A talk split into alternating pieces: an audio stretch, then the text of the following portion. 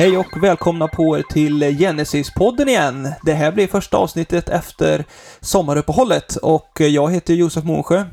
Eh, och vi pratar ju här i podden om tro och vetenskap och, och annat spännande sådant. Och idag så har jag med Ola Hösscher. Välkommen Ola! Ja, tack så mycket Josef. Roligt att vara med här. Väldigt roligt. Eh, du är ju professor i matematik va? Vid Stockholms universitet, eller hur är det? Ja, jag är professor i matematisk statistik. Det, där, det, det är riktigt. Och, och eh, jag har varit det sedan 2002 och, och trivs väldigt bra med mitt jobb. Och bor du uppe, all... bor uppe i Stockholm då? Ja, jag bor eh, i Sollentuna, två mil norr om Stockholm. Så att jag kan till och med cykla in till jobbet ibland. Jag flyttade nyligen till en lägenhet lite närmare stan. Jag bodde längre norrut i Sollentuna tidigare. Så att eh, jag bor i Stockholmsområdet. Intressant. Och det är ju så att vi ska ju ha med dig på en, våran årskonferens, Genesis årskonferens den 23 oktober ska du vara med och ha ett eh, seminarium där. Så det är därför som vi kör ett litet specialavsnitt här i podcasten, en intervju med dig, eh, för att eh, vi hoppas ju att våra lyssnare ska börja ladda upp för eh, årskonferensen. Eh, så, så det hoppas vi att det blir intressant detta. Och eh, du sa Ola att du har jobbat eh, på universitetet sedan 2002, eller vad sa du, 2003? Ja, 2002 och så dessförinnan. Jag är uppvuxen i Uppsala och var anställd på Uppsala universitet ett tag och sen jobbade jag ett tiotal år på Lunds universitet på 90-talet. Men sen 2002 är jag anställd på Stockholms universitet som professor. Då har du bott nere i Skåne lite också alltså? Då? Ja, jag har faktiskt mina rötter. Jag är född i Skåne en gång i tiden också och har mina rötter från Småland så att jag har ja, mitt hjärta klappar en hel del för både Skåne och Småland. Men det är nog inte så mycket skånska i dialekten tror jag inte. Nej, nej, den försvann någonstans i tonåren där. Jag hade tungrotsär tills jag kom i puberteten ungefär och sen försvann då. Just det. Eh, och eh, jag tänkte vi ska börja med att, att prata lite om din, ja, men din uppväxt och hur du kom till tro och sånt där. Men du, du sa att du, du är född nere i, i Skåne då, så Eh. Eh. Ja, och sen, precis. Och, och, när jag var fyra år gammal, eh, jag är född 1964, så att när jag var fyra år gammal 1968 då flyttade familjen, mina föräldrar och så jag och mina tre syskon, vi flyttade upp till Uppsala.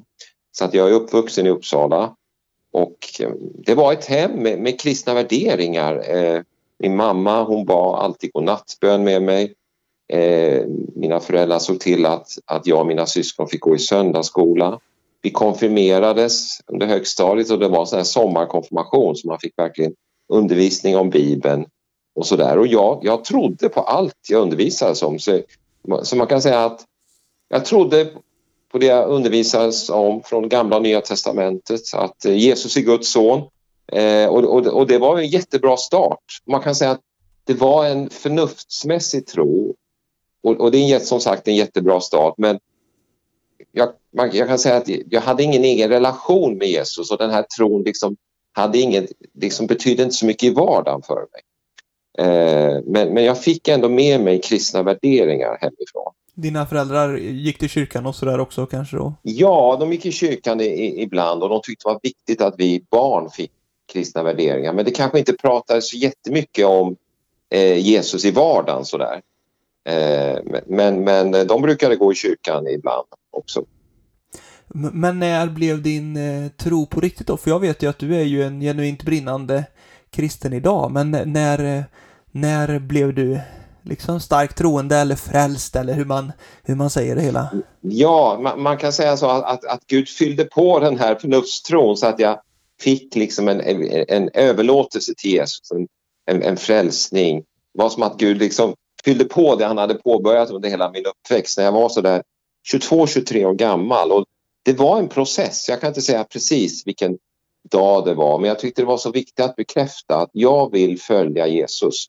Och, och, och eh, ja, jag bad om förlåtelse för mina synder. Jag överlät mitt liv till honom då, 22-23 år gammal. Och då tyckte jag det var så viktigt att bekräfta det så att jag, jag, jag blev troende dopt, döpt när jag var 26 år gammal fast jag var barndöpt en gång i tiden. Så det var aldrig, eh. det var aldrig någon sån här dunder och brak omvändelse från eh, en, en dag liksom då du bara fullt ut nej, vände om i livet utan du har gått med Gud liksom och, och trott på honom och, och sådär sen du var liten på ett vis? Då? Jag har trott på honom sedan jag var liten och sen kände jag bara att jag vill, jag vill eh, liksom när jag växte upp så pratades det inte så mycket om att ja, men det är ett beslut att, att följa Jesus. Då kände jag att jag vill bara markera det. Jesus, jag vill följa dig och lyda dig. Och det var någon gång när jag var 22-23 år gammal. Och anledningen var att jag, jag kom lite i en livskris där. För jag hade under högstadie gymnasietiden jag liksom hade helt levt för matematik och, studier och vetenskap. Och, och, det var ju något jag tyckte var roligt egentligen. Men jag kände att det var inte allt i livet. Jag blev inte lycklig av bara det. Och när jag var lite över 20 år då hamnade jag i en livskris. Vad var egentligen meningen med mitt liv? Och då kände jag att jag skulle söka mina kristna rötter och var det som ledde fram till den här överlåtelsen till Jesus 22-23 år gammal. Eh, så, så, att, eh, ja, så på den vägen är det. Spännande. Och eh, matematik och så är också, eh, du är ju professor då. Och eh, man kan ju fundera på i Sverige idag liksom om det finns Finns det professorer i matematik som kan vara kristna eller är det inte en motsättning och så här? Det ska vi komma till, men först bara, har du eh, eh blev matte liksom ett stort intresse tidigt i, i skolan och så, eller när, när kom det? Ja, det kom nog redan innan jag började skolan. När jag var väldigt liten. Jag har alltid varit liksom intresserad av siffror och matematik och jag brukade, brukade fråga min mamma när hon stod och, och, och, och lagade middag eh, hur gammal var, var min morfar när du var si och så gammal. Och jag kommer ihåg hon tyckte det var lite svårt att laga mat samtidigt som hon skulle utföra huvudräkning. Och, och, och jag höll på med massa olika tärningsspel och jag förde statistik på allt möjligt, min frimärkssamling. Och, och, och, när familjen var ute på bilsemester, ja men då förde jag statistik på färgen på alla bilar. Så att det där fanns sedan jag var liten, där matematik och statistikintresset. Men, men man kan säga att det tog fart under sommarlovet mellan sexan och sjuan. Jag var 12 år gammal när jag fick låna min stora systers mattebok, sjuans mattebok. Och då, då började jag räkna i förväg. Och, och eh, eftersom mina eh, föräldrar var lärare, de var inne i skolvärlden, de tog kontakt med eh, min mattelärare på högstadiet och skolans rektor så att jag fick börja tentera av mattekurser så att eh, eh det ledde till att jag blev, var klar med högstadie och gymnasiematten när jag gick i åttan och sen började jag läsa universitetsmatte när jag var 15 år gammal. Och, ja, då fick jag ju ledig tid på mattelektionerna så jag började tentera av en del andra ämnen också. Så att jag, alltså jag levde väldigt mycket för studier och vetenskap då när jag växte upp och det var ju roligt. Men, men som sagt, så småningom när jag närmade mig 20 års, ja, eh, omkring 20-årsåldern, då började jag liksom tycka att det blev ett väldigt självupptaget liv. Där allt kretsade kring mig själv och mina egna prestationer och då började jag fundera på vad är egentligen meningen med livet? Så, så, så, man kan säga att vetenskapen den förde mig faktiskt till en personlig överlåtelse till Jesus. För jag kände att även något jag egentligen tyckte var väldigt roligt, när, när, man, när jag inte tog med Gud i det så blev jag inte lycklig av det på djupet. Det låter, det, det låter Ola som att det finns en ganska stark eh, processor i, i skallen där på dig, men eh, det, det är häftigt fascinerande i sig. Men just då liksom Upplevde du någon, nu sa du kanske tvärtom då, men upplevde du någon motsättning då mellan tron och matte, vetenskap liksom under den här tiden eller? Nej, nej egentligen, för när jag växte upp där så, så, så liksom, jag har aldrig upplevt någon motsättning mellan tro och vetenskap och inte när jag heller kände att, att, att eh, vetenskapen inte kunde göra mig lycklig så att jag, jag liksom funderade aldrig i de banorna. Jag hade ju den där förnuftstron när jag växte upp. Jag, jag trodde på det jag hade lärt mig, även om jag inte liksom, eh, pratade och, och, och, pratade med Gud i vardagen. Så där, så, och, och, samma sak det jag lärde mig i skolan och så. Eh, jag upplevde aldrig någonting som att det stod i motsatsförhållande till Bibeln och den kristna tron. Och, och eh, eh, eh nej, det, så, så, så, det fanns liksom aldrig i, min, i, i, i, i mina tankebanor. Och sen efter att jag Eh, fick den här ska säga, frälsningsupplevelsen, den personliga överlåtelsen till Jesus så, så, eh, så var det faktiskt så att jag ganska länge höll tro och, och vetenskap lite åtskilda. Jag tyckte inte att det fanns någon motsättning mellan dem men det var ju så att vetenskapen hade ju inte kunnat göra mig lycklig och då var jag lite rädd att blanda in den i min tro. För tron handlar ju om att jag hade fått liksom en personlig relation till Jesus, jag kunde be till honom och det var underbart och då var jag lite rädd, ja men vetenskapen hade inte kunnat göra mig lycklig, jag vill inte blanda in den för mycket i tron. Det var ingen motsättning men jag höll dem lite åtskilda. Men sen var det så att för 12-13 år sedan då började det liksom var så att Gud inledde en process i mitt liv och, och han började liksom visa mer och mer att ja, men, tro och vetenskap, det är inte bara så att de kan samexistera men de är faktiskt vänner, de hör ihop och de berikar varandra. Så det är liksom ett symbiosförhållande mellan tro och vetenskap. För att eh, det är ju Gud som har gett oss förmåga att bedriva vetenskap från första början. För vetenskapen det är ju ett sätt att återupptäcka hur gjorde Gud när han skapade världen. Och eh, sen omvänt också, det är inte bara så att min kristna tro motiverar mig att beskriva vetenskap utan vetenskapen kan ju också användas för att styrka tilltron till Bibeln. Både genom historisk och arkeologisk forskning, genom biologi, geologi, hur vi ska tolka skapelseberättelsen. Och, och, och så att, så att, sen jag liksom fick det här eh, liksom fördjupade synsättet de sista 12-13 åren mellan tro och vetenskap, att de faktiskt är vänner och berikar varandra, då har det blivit mycket roligare att bedriva vetenskap. Jag har alltid tyckt det var kul, även om jag kom i den här liksom livskrisen då när jag var ung, att, att jag kunde inte bli lycklig av den i sig, så har jag alltid tyckt det var kul. Men det blev, gick mer på djupet nu som kristen. Att, att det, man kan se det som att Gud är min arbetsgivare som vetenskapsman och då blir det extra roligt. Väldigt spännande Ola, för det är ju verkligen någonting, jag menar många människor kan ju tänka i våran västvärld och Sverige idag att, att det verkligen finns en djup eh, motsats och, och, konflikt mellan tro och vetenskap. Eh, mm. Men eh, vi ska, alltså då om man går till nutid och du är nästan eh, fram och pratar om, eh, detta var ju 10-12 år sedan eller vad du sa, eh, mm. som det börjar bli mer intressant för dig med sambandet mellan tro och vetenskap. Men hur, hur reagerar liksom kollegor och sådär och, och andra på universitet och professorer och sånt på att du är kristen? Är det någonting som är, eh, är märkligt eller folk bara accepterar det eller har man synpunkter på det eller hur funkar det egentligen? Ja, alltså eh, det är inte så ofta jag pratar med kollegor om trosfrågor men, men när jag gör det då upplever jag att det finns en försiktig nyfikenhet. Eh, eh så att, och, och, och, vi lever ju i ett väldigt sekulariserat land, Sverige.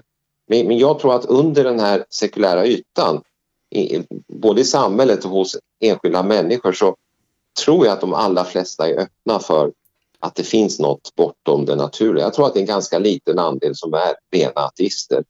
Eh, och, och, även ateister kan vara väldigt intresserade av att prata om, om tro och vetenskap. Så de har åtminstone liksom engagerat sig i frågan om det, om det finns en gud eller inte. Så att så att jag, jag upplever ändå liksom att det finns en, en, nyfikenhet men jag tror också det finns en rädsla i Sverige att, att prata om trosfrågor på jobbet och sådär. Eh, så att, eh, men, men, men eh, ja, sen, sen, tror jag säkert att, att det är många eh, kollegor och så som känner till mina engagemang i olika frågor och så. Men, men jag tänker att, att eh, ja, jag, jag pratar gärna mer om det med dem om de tar upp det liksom och sådär. Så att, ja. Men det är klart att om man tittar på, eh, vad ska vi säga, kristenheten i Sverige så eh, är vi ju en minoritet idag, men det är ju liksom, ja, det kanske inte finns, det är inte jättemånga kollegor som är bekännande kristna och sådär, utan det är verkligen eh, att man... Nej, nej precis, och jag har ju kollegor som är kristna och det känns väldigt roligt. Men, men det är inte så vanligt eh, tyvärr. Det, det, det är, men, men jag tror det finns en väldigt stor längtan och eh, jag tror Gud gör någonting i vårt land också så att jag är väldigt förhoppningsfull inför framtiden. Och, och eh, så att, eh, ja, men jag tror att människor också när vi ser ut över vårt värld att det finns ju olika typer av hot, eh, oroshärdar, krig men det är också klimathot och allt sånt där. Jag tror människor funderar mycket om tillvaron och de här stora frågorna eh, om livets mening och sådär. Och det kan, tror och hoppas jag, föra många till Gud. Om man ställer frågan så här Ola, alltså gruppen professorer till exempel. det är ändå personer som eh, tänker mycket generellt på sitt område. Tänker sådana personer mer på eh, djupa livsfrågor också tror du, än svensken generellt, eller är det rätt likvärdigt? Jag tror det är rätt likvärdigt. Jag tror det är inlagt hos alla människor att vi, vi, eh, vi har ett behov av att tänka på, på eh, eh, de här stora livsfrågorna. Så att det är nog inlagt i alla. Men däremot är det så, det gäller allmänt tror jag, är man väldigt engagerad i någonting, i sitt jobb och sådär och känner att oj, det här går bra och lever för sitt jobb. Det var ju så det skedde för mig i, i tonåren. Då är det lätt att det blir tistlar i ens liv så att man skjuter bort de här stora livsfrågorna. Man, man, man, man, man skjuter upp de frågorna. Så att jag tror ju i och för sig att, att eh, bland till exempel professorer och även andra ämnen, folk som är väldigt liksom, vad ska jag säga, engagerade i sitt arbetsliv. Det behöver inte vara så, men det är större risk att arbetslivet, hur roligt det än är, kan bli tistlar som gör att jag skjuter upp och eh, liksom tänker på de här stora livsfrågorna. Man, men jag tror att alla människor har besökelsetider från Gud där man tänker mer på de här frågorna. Och det kan vara under tonåren när man liksom frigör sig och blir vuxen men det kan också vara om det inträffar någon livskris i livet. Så att alla, och det kan vara tillfällen när Gud söker människor extra mycket. När det blir någon förändring i ens liv. Men det betyder alltså att det, det är inte så ofta som du på avdelningen där det, det kommer inte in någon annan matematikprofessor och säger Du Ola, nu har jag räknat lite på det här och jag bedömer att chansen att Gud finns inte är så stor. Nej, nej men, men, men jag har ibland samtal med kollegor och en del och jag har haft en del eh, kollegor. Det kan vara eh, en kollega som är eh, som är, är ateist och han är väldigt trevlig och vi har haft väldigt eh, trevliga och öppna diskussioner om, om tro och vetande. Och sen var det så att för tre år sedan så kom jag ut med en bok som heter Becoming a Christian.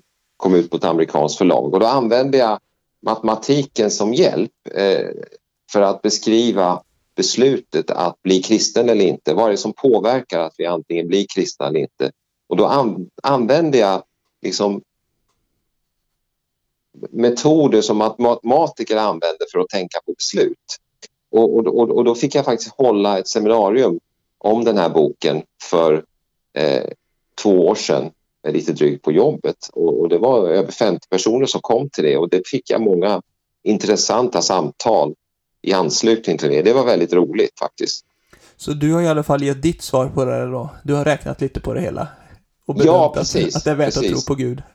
Ja, exakt. Och, och då tänker jag mig att, att det, det, är liksom olika delar. Alltså Jesus är enda vägen till Gud, men det finns olika vägar till Jesus. Gud mäter, möter människor på olika sätt. För en del vill först veta att, att allt som står i Bibeln är sant. Och då, då liksom förnuftsdelen är väldigt stark och sen kan de ta steget att ta emot Jesus. Medan andra, då känner kanske, det kan vara en livskris för alla, de känner att jag behöver Jesus i mitt liv. Man går med på intuition. Och sen upptäcker man i efterhand, ja men det var väldigt trovärdigt det som står i Bibeln. Och, och då tänker jag mig att då använder man matten för att och, och, visa på de här olika vägarna att bli kristen. Och då tänker jag mig att människor ska känna igen sig. Ja, men var står jag? Hur kopplar jag ihop det här med förnuftet och viljan att bli kristen, att våga ta språnget? Så att eh, då, ja, och det är faktiskt en, en, en kristen fransk vetenskapsman på 1600-talet, Blaise Pascal, han hade en liknande modell. Jag har egentligen ut, vidareutvecklat hans modell i den här boken. Och sen har den kommit ut i en svensk kortversion förra året som heter Att bli kristen, vad påverkar livets viktigaste beslut? Så den kan man gå in och köpa då? Vart köper man den i så fall?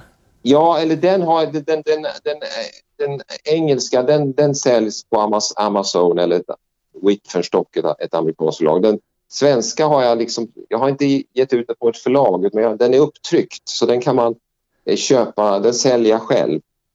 Man, får, eh, man, kan höra av sig till podden om man är sugen på att köpa Olas bok ja. så kan vi förmedla. Och då kan man ja, eh, mycket gärna. Vi har ju en mejladress, podden med 2D, at genesis.nu. Så där kan man skicka. Och det är spännande om vi får lite andra respons på intervjun här också, så är det bara att skicka dit. Men eh, eh det är klart, det är ju en eh, rolig bok då. Är den eh, för vem som helst eller är det liksom? Ja, för, för att i den i den engelska boken där har jag tagit med också lite matematiken bakom men eh, även där är matematiken bara i bilagorna utan jag, kapitlen, huvudkapitlen är vanlig text.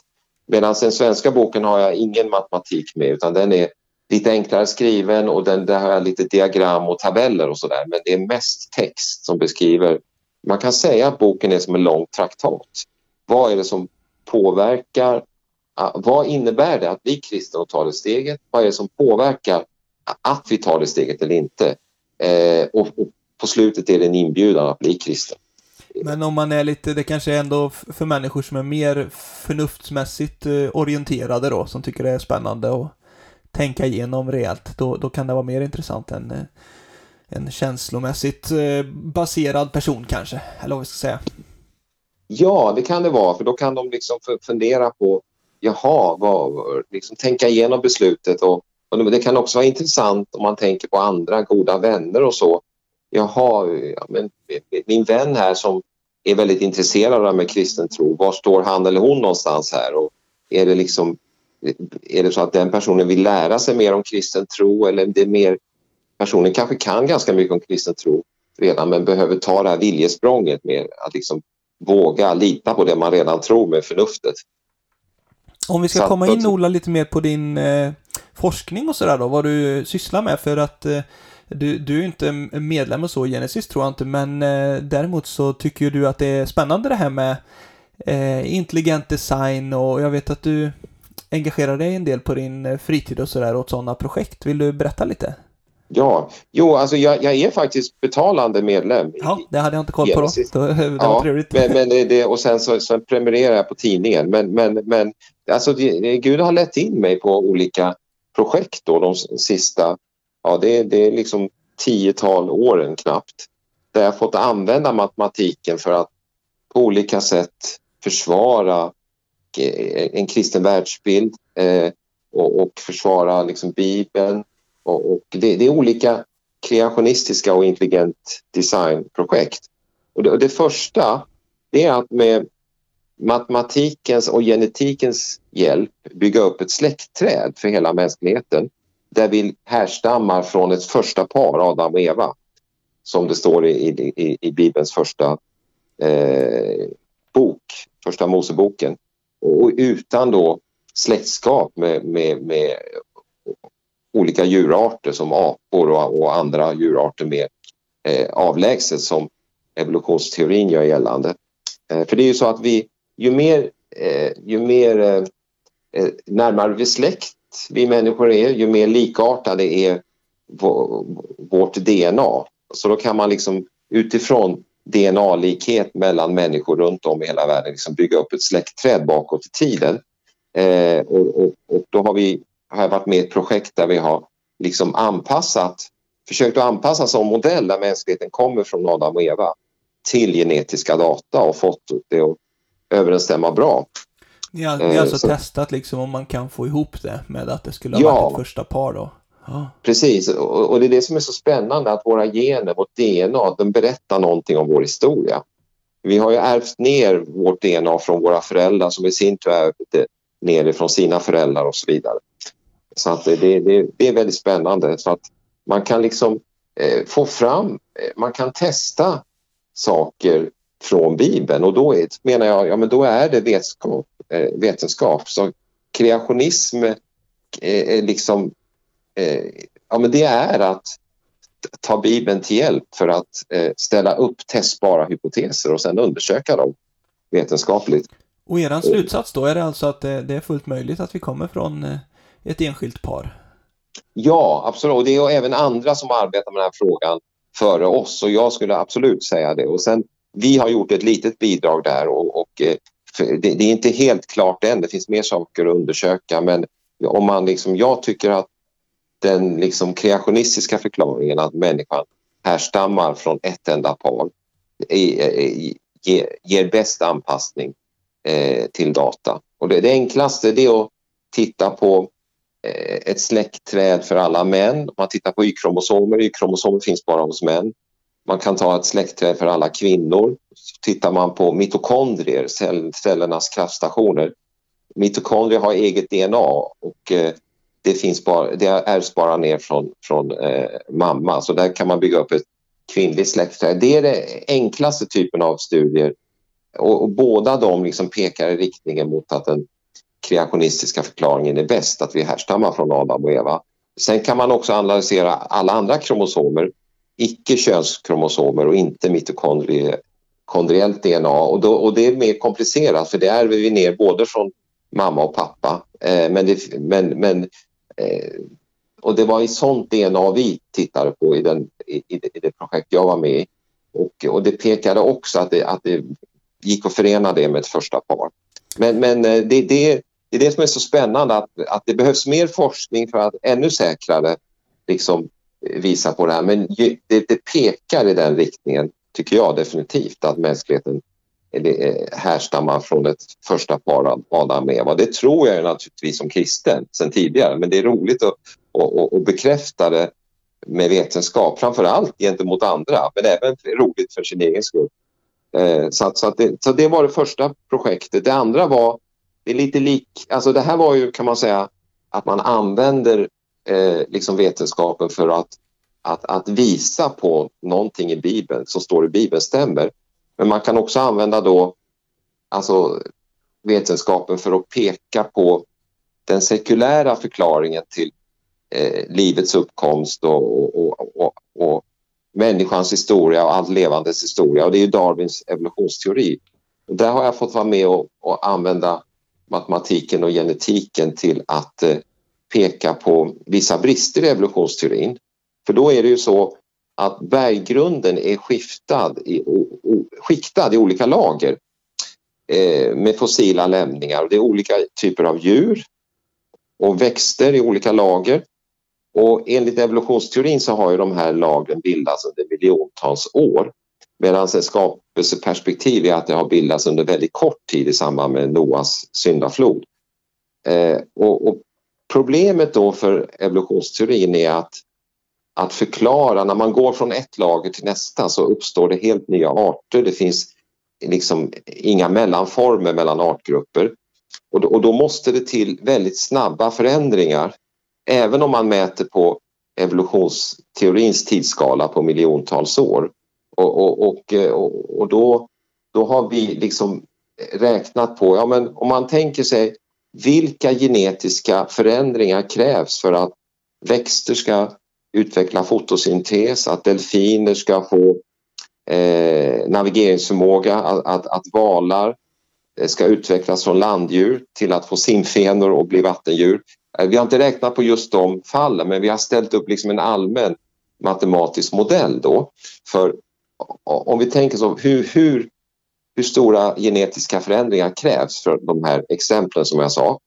Och, och då hur lång tid skulle det ta att åstadkomma de här genetiska förändringarna? Att, alltså gå från ett fossilt lager till ett annat och då har vi liksom kommit fram till uppskattningar att, som, som pekar mot att den tiden är mycket större än till och med evolutionsbiologernas eller evolutionsforskarnas egna uppskattningar om hur, hur, hur, hur lång tidsrymd som eh, skiljer ett lager från ett annat.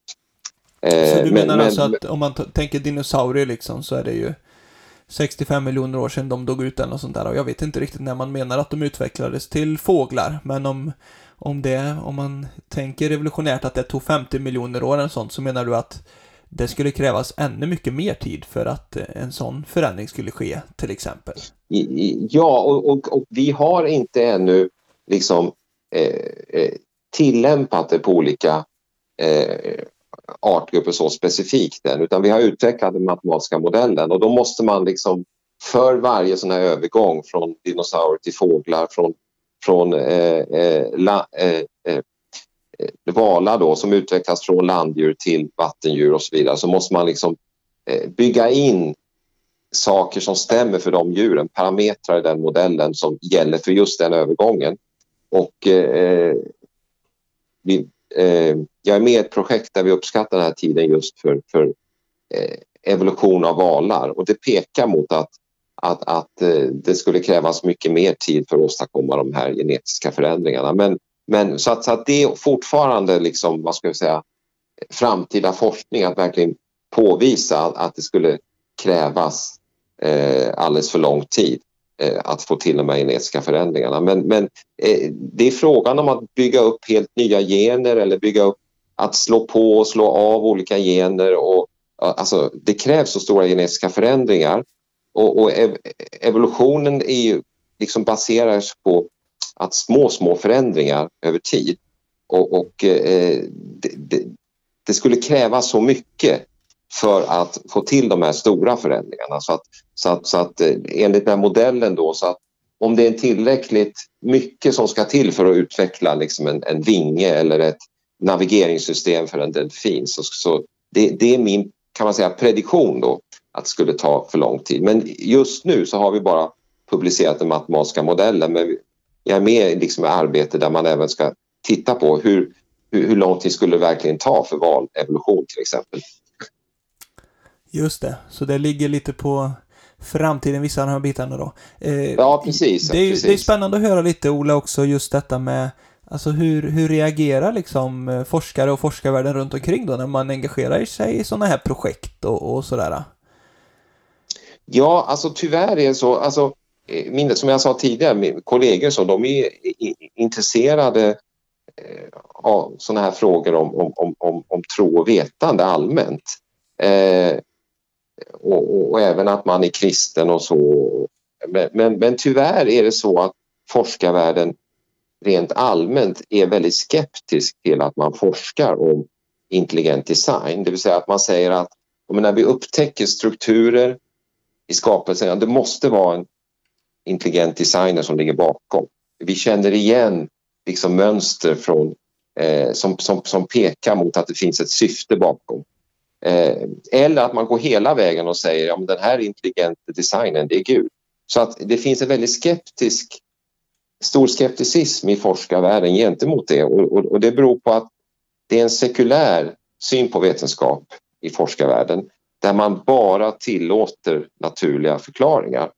Och det leder tyvärr till att intelligent design och kreationism betraktas inte som riktig vetenskap. Eh, jag tror att enskilda forskare kan tycka att det är intressant. Det tror jag absolut. Och, och, och, eh, men det är den officiella allmänna hållningen och den hållningen som liksom tidskrifter har i allmänhet. Eh, och, och, jag menar att den här sekulära vetenskapen den hindrar forskningens grundigt, grundidé, att det ska vara fritt kunskapssökande att söka efter sanningen, för det är det vetenskap går ut på, ta reda på hur fungerar saker och då menar jag att alla möjliga hypoteser ska få vara med och tävla på lika villkor. Oavsett om de eh, liksom motiveras utifrån Bibeln, att man säger att det är en intelligent designer eller att det är sekulära förklaringar. Så länge det är förklaringar som går att testa och, och, och, och falsifiera så menar jag att då är det vetenskap. Och, och, jag tänker så här att som kristen så tror jag att Bibeln är sann. Eh, och, och, det som är sant tål alltid att prövas och det, det som är sant överlever alla prövningar. Så att, så att, så att jag är inte rädd för att sekulära hypoteser ska få vara med och tävla. Utan jag tycker att med, men däremot tycker jag att inte bara sekulära hypoteser ska få vara med och tävla utan även kreationistiska och intelligent designhypoteser och andra. För då, det är bästa garanten till att man kommer fram till den bästa förklaringen. Eh, men, men tyvärr är det, är det en, en snäv sekulär syn på vetenskap i vårt samhälle. Och det, och det menar jag påverkar också vilka slutsatser man kommer fram till. För att man kan se det ungefär som en vetenskap som ett polisarbete. Att, att en, en, detektiv som letar efter ja, förövaren till ett visst brott.